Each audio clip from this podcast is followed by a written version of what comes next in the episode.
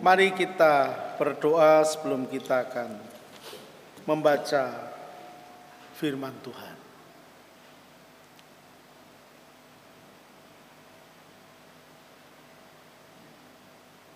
Sebentar kami akan bersama-sama untuk membaca juga kembali merenungkan akan sabdamu. Biarlah setiap pengetahuan kami sungguh-sungguh boleh merubah akan setiap tindakan kami, baik dalam cara kami memandang Engkau, maupun juga bagaimana cara pandang kami terhadap orang lain. Biarlah cinta kasih juga firman-Mu benar-benar mewarnai akan hati kami, pikiran kami juga perbuatan kami. Sehingga benar-benar kami akan hadir di tengah-tengah kehidupan masyarakat ini menjadi saksi Kristus, menjadi duta dan utusan bagi Kristus. Berkati juga kuasai akan setiap pikiran kami dengan Roh Kudus, karena hanya dengan begitu apa yang kami baca melalui firman-Mu ini, apa yang kami dengar melalui sabdamu ini, benar-benar akan boleh kami hidupi. Di dalam nama Tuhan Yesus Kristus Sang Firman yang hidup, kami berdoa dan mengucap syukur. Amin.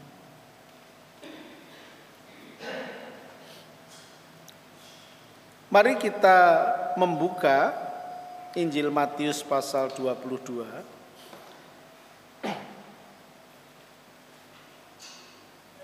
Ayatnya yang ke-34 sampai dengan ayatnya yang ke-40. Injil Matius 22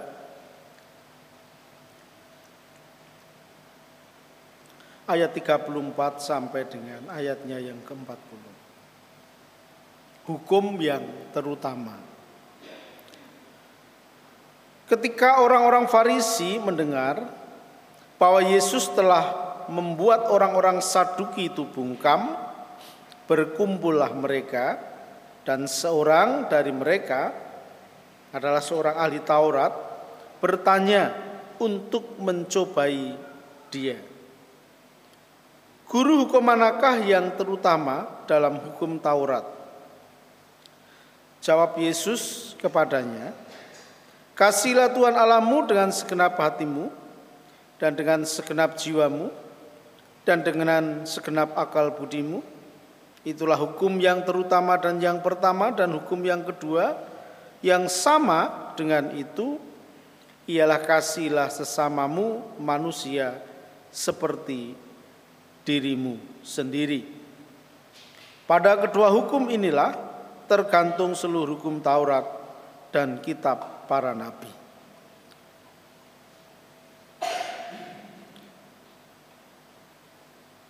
Demikian bacaan kita. Berbahagialah setiap orang yang percaya, yang bersedia untuk merenungkan dan melakukan sabda Tuhan di dalam kehidupan hari demi hari. Haleluya.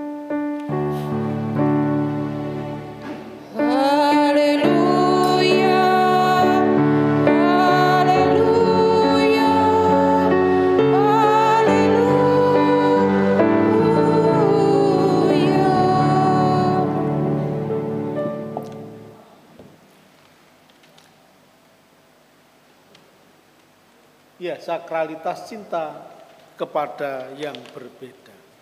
Bapak Ibu yang dikasih oleh Tuhan, dalam perjalanan Tuhan Yesus mensejarah atau apa yang kita baca dan bisa kita lihat di dalam Injil, Tuhan Yesus kerap kali dipandang oleh orang-orang Yahudi itu sebagai tokoh yang radikal Yesus dipandang oleh orang-orang Yahudi sebagai seorang yang kontroversi khususnya terhadap aturan Taurat. Khususnya terhadap hukum-hukum tradisi Yahudi yang terjadi dan sesungguhnya diikuti oleh begitu banyak umat. Misalnya, kita bisa melihat bagaimana pandangan Yesus ketika berbicara tentang hari Sabat, di mana hari pemberhentian orang tidak boleh beraktivitas. Eh, ternyata Yesus malahan memperbolehkan murid-muridnya untuk bekerja. Lalu juga pandangan Yesus bagaimana aturan-aturan yang terjadi di bait Allah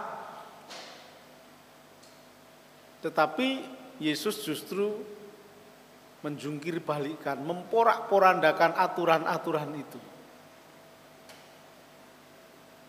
Lalu juga hal-hal yang kecil, aturan mencuci tangan dan sebagainya.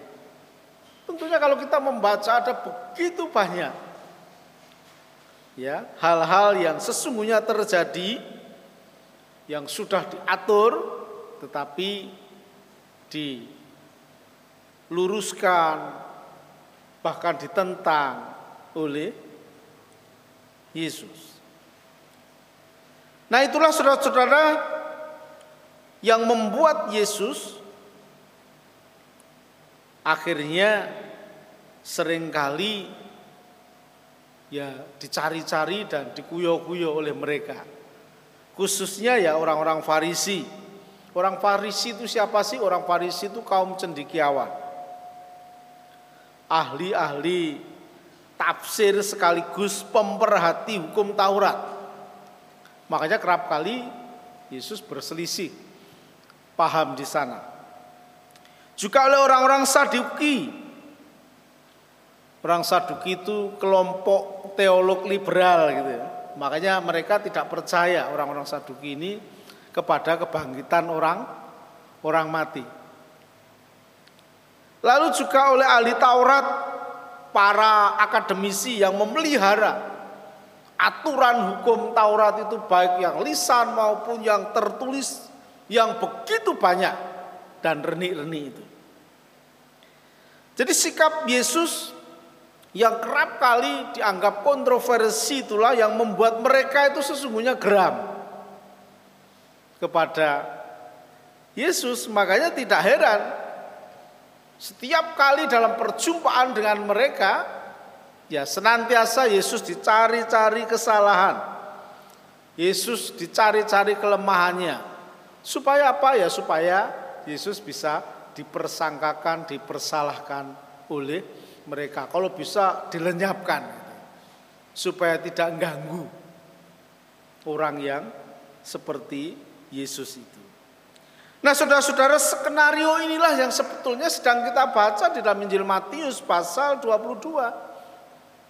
Situasi seperti inilah yang sebetulnya mewarnai di dalam percakapan dan pembicaraan di dalam Injil Matius 22 ayat 34 sampai dengan ayatnya yang ke-40.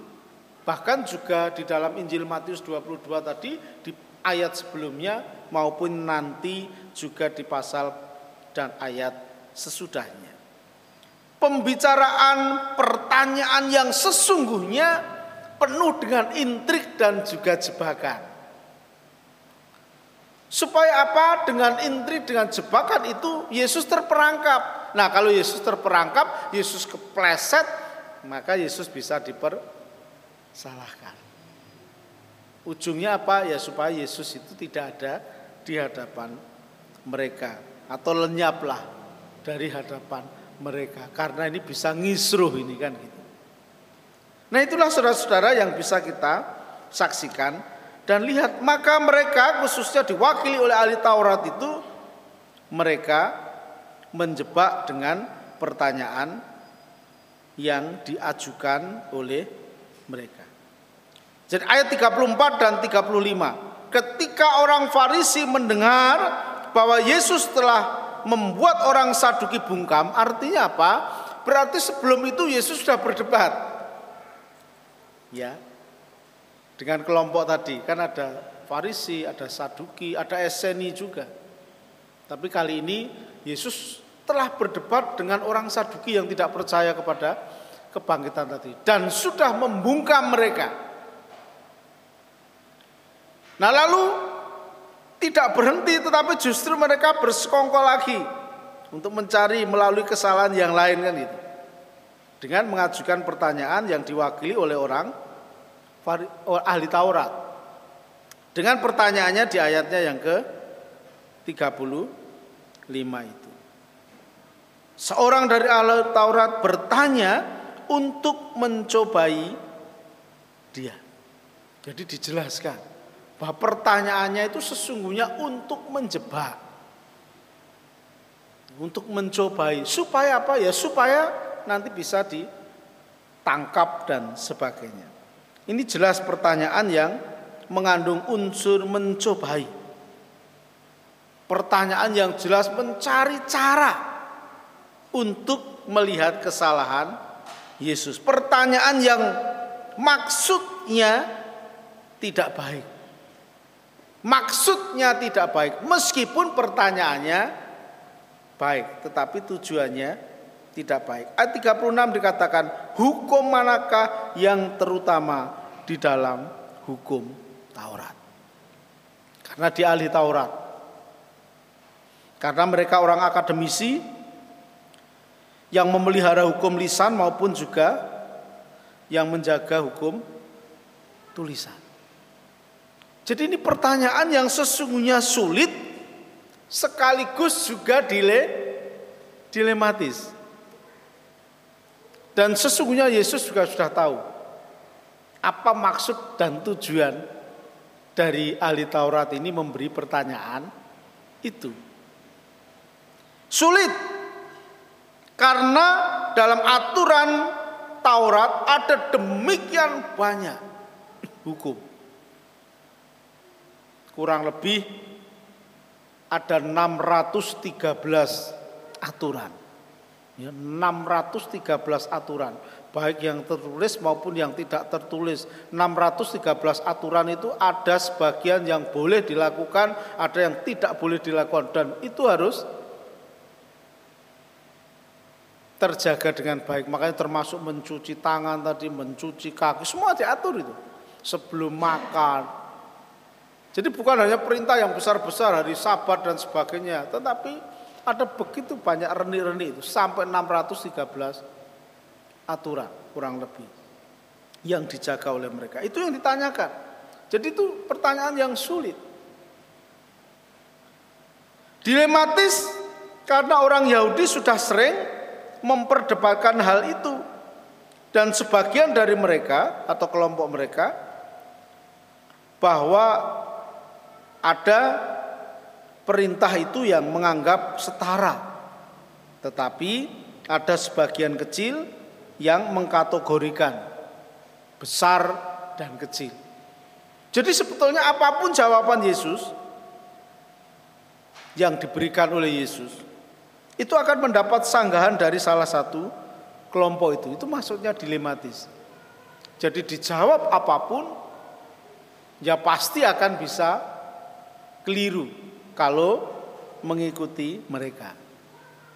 Kan begitu. Ini kan pertanyaan yang sulit juga hari ini kan juga sama. Kalau saudara menonton berita itu kan, ya Pak Jokowi sering kali kan digitukan. Pak, jago calon siapa kan gitu. Dilematis itu ya. Mau milih uh, Pak Prabowo loh. Kan Bapak kadernya PDI ya kan gitu. Ini kalau berbicara politik. Kalau mau memilih Pak Ganjar loh kan itu ada keluarganya. Ya dilematis. Jadi itu jawaban yang tentunya tidak mudah. Ya meskipun beberapa hari ini saya sempat jengkel gitu ya dengan kondisi situasi politik hari-hari ini ya, tapi saya sudah mencoba untuk mengikhlaskan ya. Dan apakah pilihan saya ya nanti kalau Bapak Ibu tanya ya nanti di belakang saja nanti saya beritahu pilihan saya. Nah, dilematis. Nah, namun seperti biasanya saudara-saudara bahwa Yesus memiliki jawaban yang luar biasa. Memiliki jawaban yang cermat dan bijak. Dia tidak mau masuk di dalam jebakan ahli Taurat yang bertanya hukum manakah dari hukum Taurat yang terutama. Jadi bagi Yesus esensi itu lebih penting. Bukan urutan. Kalau nanti Yesus menjawab urutan, kelompok yang setuju urutan setara, oke, okay, tetapi yang tidak setuju akan protes. Kalau Yesus menjawab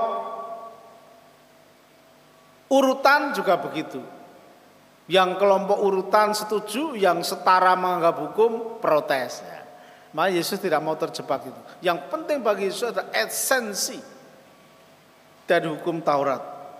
Itu yang disampaikan dan diucapkan oleh Yesus. Apakah itu? Ya sebagaimana yang tertulis di dalam ayat 37 sampai dengan 39 yang intinya kasihilah Tuhan Allahmu dan kasihilah sesamamu manusia sama seperti dirimu sendiri. Ayat 40 tadi dikunci oleh Yesus pada kedua hukum inilah tergantung dari kedua hukum inilah pokok yang penting yang harus dilakukan oleh umat. Jadi Yesus tidak terjebak pada salah satu kelompok mereka. Kasihlah Tuhan Allahmu seperti dirimu sendiri dan kasihlah sesamamu manusia seperti dirimu sendiri. Tidak ada yang lebih penting dan tidak ada yang lebih direndahkan. Keduanya sama-sama harus kamu lakukan dengan seimbang. Memperlakukan Allah, mengasihi Allah seperti mengasihi diri, mengasihi orang lain juga seperti mengasihi diri sendiri. Tidak ada yang boleh dibedakan dan berbeda. Ini esensi Taurat. Dan hukum Taurat itu sesungguhnya dibuat agar hubungan antara manusia harmonis. Hukum Taurat dibuat agar hubungan antara manusia dan Allah harmonis. Hukum Taurat itu juga dibuat agar hubungan manusia dengan manusia itu juga harmonis. Jadi yang vertikal, yang horizontal, keduanya harus dilakukan dengan seimbang. Mengasihi Allah, mengasihi sesama, seperti mengasihi diri sendiri. Kalau kita tidak mau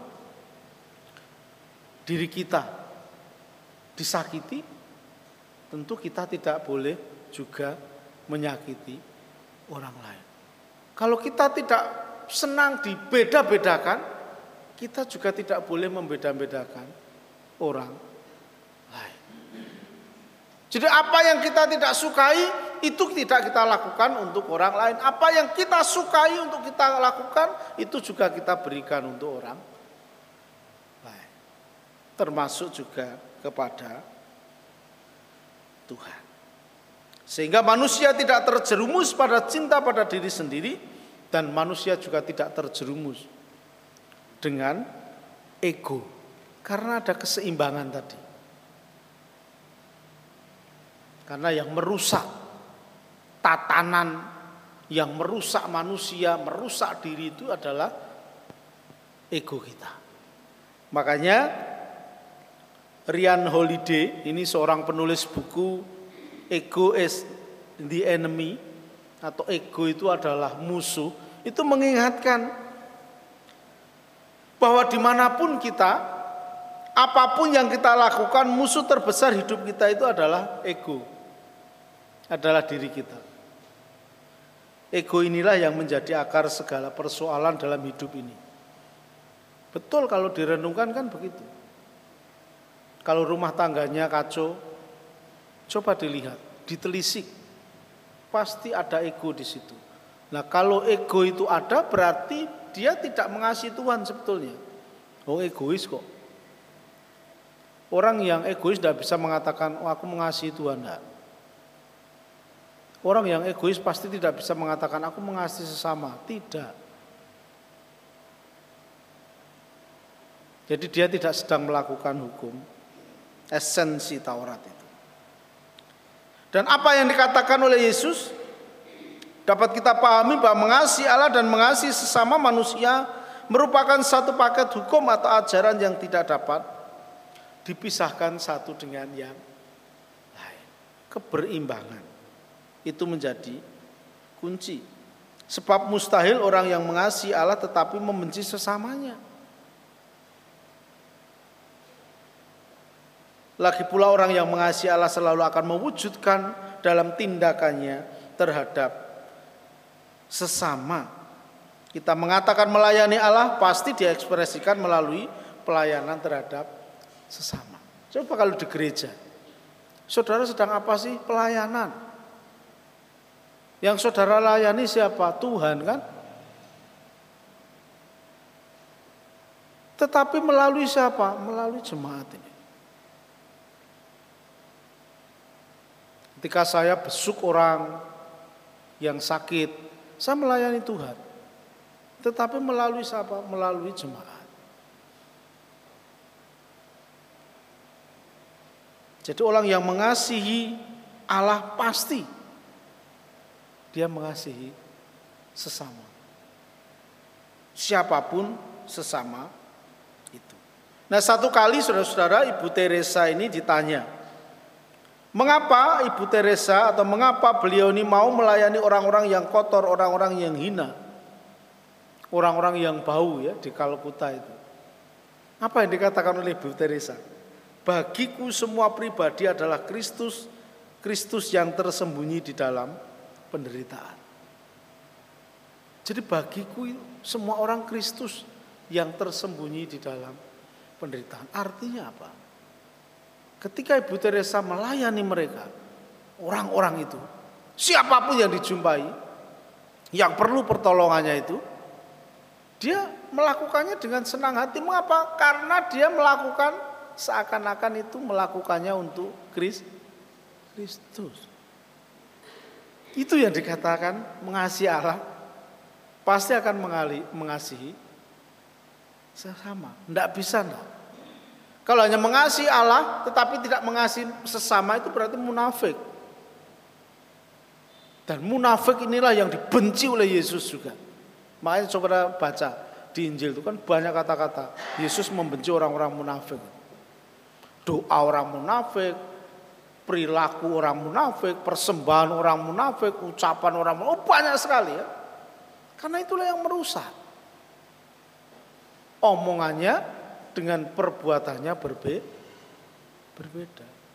Dan sesungguhnya di sekitar Yesus tadi, ahli-ahli Taurat, orang-orang Farisi, mungkin juga orang-orang yang seperti itu, pandai memelihara hukum, pandai membaca hukum, tetapi dia tidak pandai melakukan hukum itu, menerapkan hukum itu di dalam kehidupan nyata.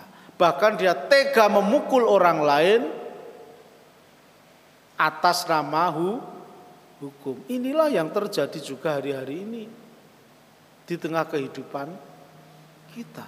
Seringkali orang memukul orang atas nama Tuhan. Ini kebencian, ini sebuah tindakan yang sungguh-sungguh memprihatinkan. Dan itu yang sebetulnya Yesus tidak ingin dan kehendaki terjadi di dalam kehidupan sehari-hari. Nah, problema agama Saudara termasuk kekristenan cenderung melakukan ketidakberimbangan. Seringkali membeda-bedakan. Inilah yang terjadi harus jujur kita akui. Aku, kamu, kita sering kali ya kita membeda-bedakan seperti itu. Gereja sama gereja juga gitu. Wah, aku seajaran, kamu tidak seajaran. Dan sebagainya. Ya. Dampaknya apa? Agama kehilangan daya rangkulnya yang universal. Agama cenderung membangun teritori keimanan yang berujung pada perebutan sebuah pengaruh. Itulah yang terjadi dan itulah sebetulnya menimbulkan kisruh. Nah, tema kita hari ini sakralitas cinta kepada yang berbeda. Sebetulnya tujuannya apa sih? Untuk mengajak umat sekalian, untuk mengajak kita semua gereja khususnya GKI ini untuk menghayati kasih Allah yang diekspresikan secara sungguh-sungguh apa yang difirmankan oleh Tuhan, apa yang dikehendaki oleh Tuhan itu benar-benar terjadi. Apa yang kita pahami ketika kita berbicara dengan kasih siapa yang harus dikasihi, sesama itu siapa, ini yang dikehendaki melalui tema ini. Bahkan sesama manusia itu termasuk ya mereka yang berbeda. Bukan hanya orang yang di luar kita. Tetapi sesama itu semua orang yang di luar kita termasuk yang berbeda. Ya sukunya, ya bahasanya, ya agamanya. Itu sebagai sesama yang juga harus kita pikirkan di dalam kehidupan kita. Berarti kalau gereja itu berbicara tentang program kerja, ya tentunya program kerja itu harus dipikirkan juga dalam mengasihi sesama. Setidaknya harus ada itu. Seharusnya melakukan itu. Itu baru kita bisa mengatakan kita gereja yang mengasihi sesama. Jika sebelumnya sejarah kekristenan diwarnai dengan pemahaman orang tidak mau menempatkan orang lain, inilah waktunya. Melalui tema inilah kita diingatkan. Sehingga ketika kita menghayati pesta demokrasi yang sebentar lagi, ini benar-benar akan membangun kita untuk menyadarkan bahwa di luar ada yang berbeda dan bagaimana ketika kita bertemu dengan yang berbeda bagi saya tidak masalah. Kita berbeda politik warna politik pilihan politik tidak masalah. Yang penting jangan sampai perbedaan itu membentengi kita memisahkan kita untuk saling hidup ru rukun. Berbeda boleh, bahkan mungkin istri saya mau punya pilihan yang lain ya monggo silakan. Mungkin bapak ibu mau punya pilihan yang lain ya monggo silakan. Justru di sinilah demokrasi itu kan. Tetapi bukan berarti terus berseteru. Kalau saudara akhir-akhir ini juga membaca, melihat TV, Yeni itu, Yeni putrinya Gus Dur itu kan, punya pilihan yang berbeda dengan suami suaminya loh, rupanya. Ya, dan ketika ditanya oleh wartawan, loh, Pak, Mbak kok berbeda dengan suami? Tidak apa-apa. Itu sudah kita diskusikan dan kami sudah biasa seperti itu bahwa kita punya pilihan yang berbeda tetapi bukan berarti terus merontokkan keutuhan. Ini hanya pesta lima tahunan. Ya, setelah itu ya selesaikan begitu. Mosok kita mau berseteru sampai luar biasa karena berbeda pilihan. Itu aja saudara-saudara. Tentu tema ini juga mengajak dalam banyak hal. Terlebih lagi gereja ini kan hidup di tengah-tengah apa namanya komunitas yang berbeda. Kalau kita tidak bisa menghargai dan menempatkan diri dengan bijak, tentu kita tidak akan menjadi saksi Kristus. Inilah yang tentunya menjadi penting untuk kita lakukan di dalam kehidupan kita hari demi hari. Sakralitas cinta kepada yang berbeda. Yesus melakukan cinta kasih kepada semua orang. Itulah yang juga dikehendaki kita lakukan cinta kasih kepada semua orang. Ketika kita melakukan itu, berarti kita sudah mengasihi Tuhan Allah kita. Kasihlah Tuhan Allahmu, kasihlah sesama manusia dengan segenap hatimu. Itulah hukum yang harus kita lakukan di dalam kehidupan kita. Mari kita mengambil saat teduh bersama.